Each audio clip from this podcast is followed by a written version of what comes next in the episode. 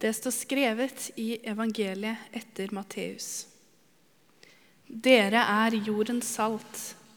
Men hvis saltet mister sin kraft, hvordan skal det da bli gjort til salt igjen? Det duger ikke til noe, men kastes ut og tråkkes ned av menneskene. Dere er verdens lys. En by som ligger på et fjell, kan ikke skjules. Heller ikke tenner man en oljelampe og setter den under et kar. Nei, man setter den på en holder, så den lyser for alle i huset. Slik skal deres lys skinne for menneskene, så de kan se de gode gjerningene dere gjør, og prise deres Far i himmelen.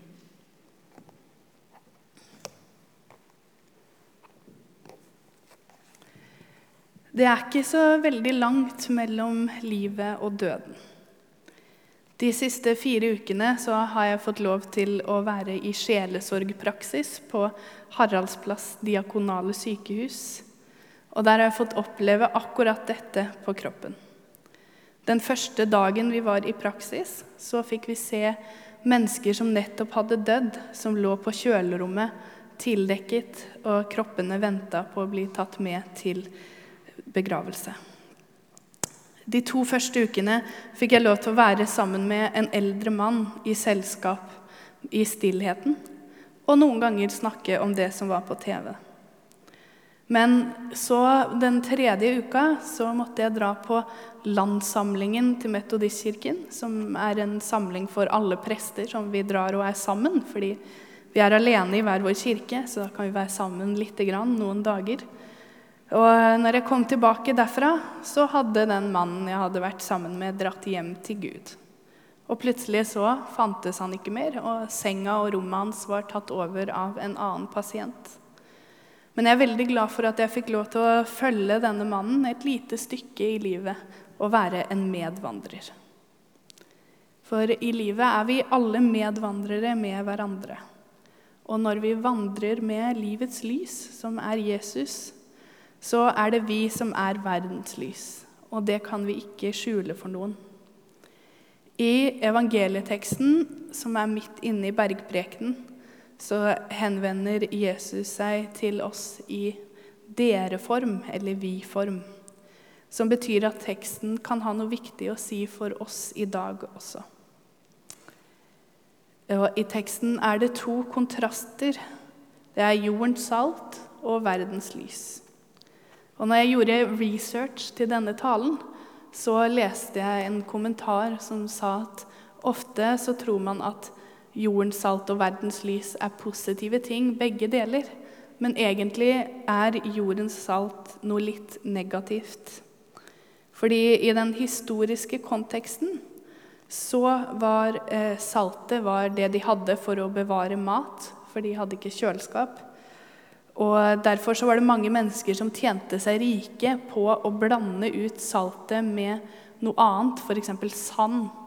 Og Det gjorde jo at saltet ikke var dugende, og da måtte man kaste ut både saltet og maten man prøvde å bevare. Derfor sier Jesus at vi skal være verdens salt, ekte salt som binder seg sammen. Eh, vi kan Eh, sammenligne dette, altså det, hvordan man vanna ut saltet, kanskje med eh, når Danmark ikke anerkjenner samenes rett til sine egne kulturminner. Jeg vet ikke om dere har fulgt med like mye på nyhetene som meg, men i det siste så har det vært på nyhetene at det er en tromme i samenes nasjonale museum som samene har lånt fra Danmark, eh, og nå vil Danmark ha det tilbake. Men det er jo samenes tromme, så de vil gjerne beholde den. Mens danskene mener at det hører til de, fordi det var de som konfiskerte den en gang på 1600-tallet. Danmark blir som utblandet salt, som bare fins der for å lage trøbbel i den historien. Hovedvekten på bildet om saltet ligger altså i å understreke at alle kan bli fulle av svik og splittes. Men at for å forbli det rene saltet som holder seg sammen, og som bevarer noe, så må vi holde fred med hverandre og styrke vårt fellesskap. Mens i den jødiske kulturen så var lyset noe som først og fremst stammet fra Toraen.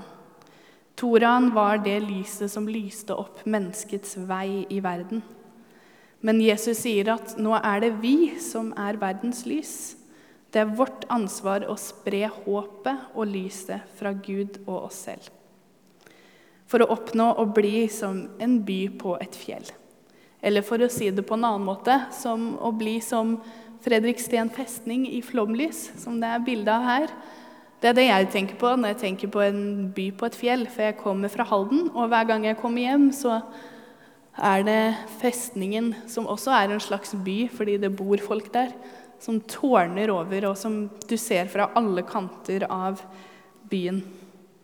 Så for å bli som festningen eller en by på et fjell, så må vi styrke fellesskapet og være interessert i våre medmennesker og være interessert i å vandre med dem et stykke på veien. De vi har kjær, de kan også være et lys i våre liv. De lyser opp livet vårt hver dag. Og derfor er allhelgen for mange, også for meg, ganske tung. For den minner oss om at det som var, ikke er lenger. Og det kan noen ganger være at sorgen kjennes så overveldende at det ikke er rom for noe annet.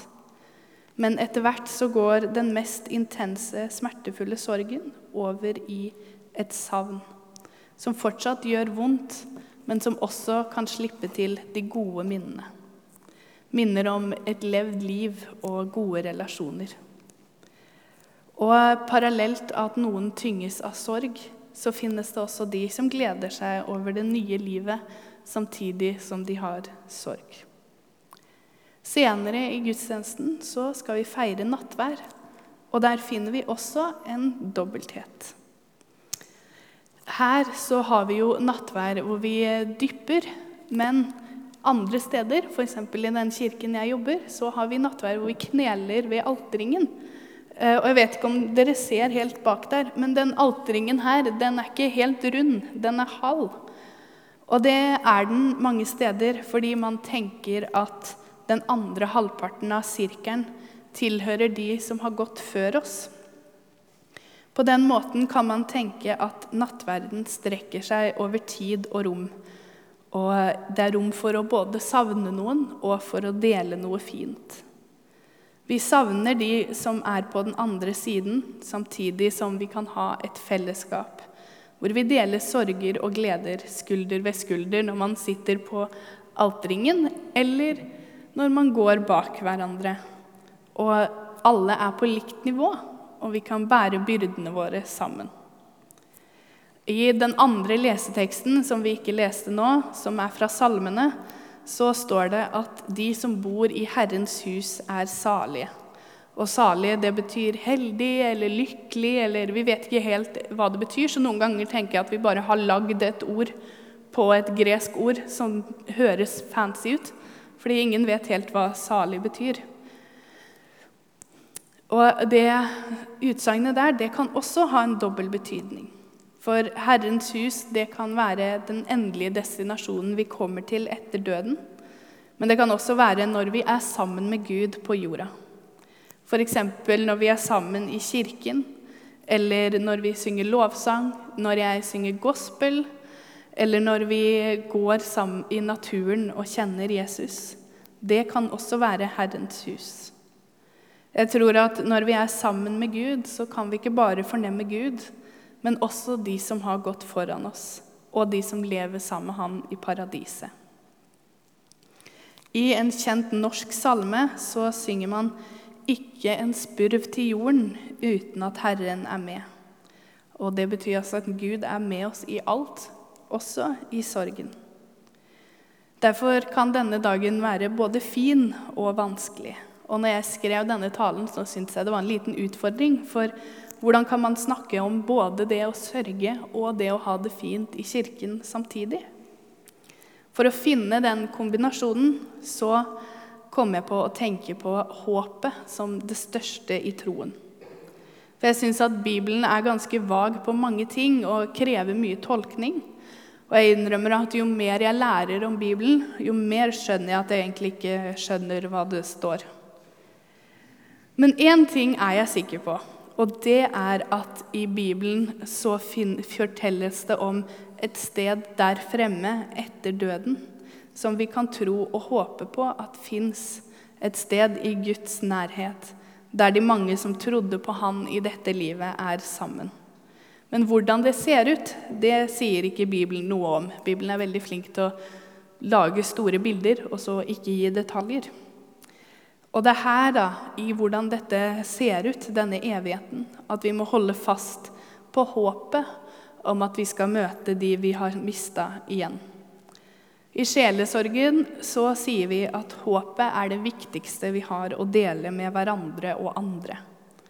For uansett hva slags krise et menneske befinner seg i, vil håpet alltid være en støtte for å holde ut til bedre dager, som alltid må komme en gang. Vi er verdens lys, og lyset blir aldri overvunnet av mørke eller håpløshet. Lyset er til og med sterkere enn døden. I den nikenske trosbekjennelsen, som er en av de eldste trosbekjennelsene vi har fra Oldkirken, så sier de at Jesus er Gud av Gud, lys av lys, og i hans liv ser vi oss selv. Dermed kan vi se at lyset har vært viktig for kristne helt fra starten av. Og når jeg kommer hjem til Halden ofte på kvelden, fordi jeg tar ofte nattoget, for det er billigst, så ser jeg alltid festningen tårne over byen. Alltid opplyst og alltid klar til kamp. Og da kjenner jeg på en merkelig trygghet. Kanskje den samme tryggheten som alle Haldens innbyggere har kjent på siden festningen ble ferdig på 1600-tallet. Og sånn tenker jeg at det også er med Gud.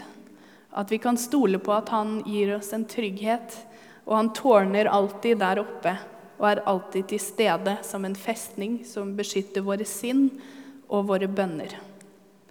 Uansett hva slags sorg og savn vi kjenner på, om vi kjenner på en sorg etter noen eller noe vi var glad i, eller en sorg over livet som aldri ble, det kan jeg ofte kjenne på. At Kjenne på en sorg over det livet jeg aldri fikk etter at jeg ble kronisk syk.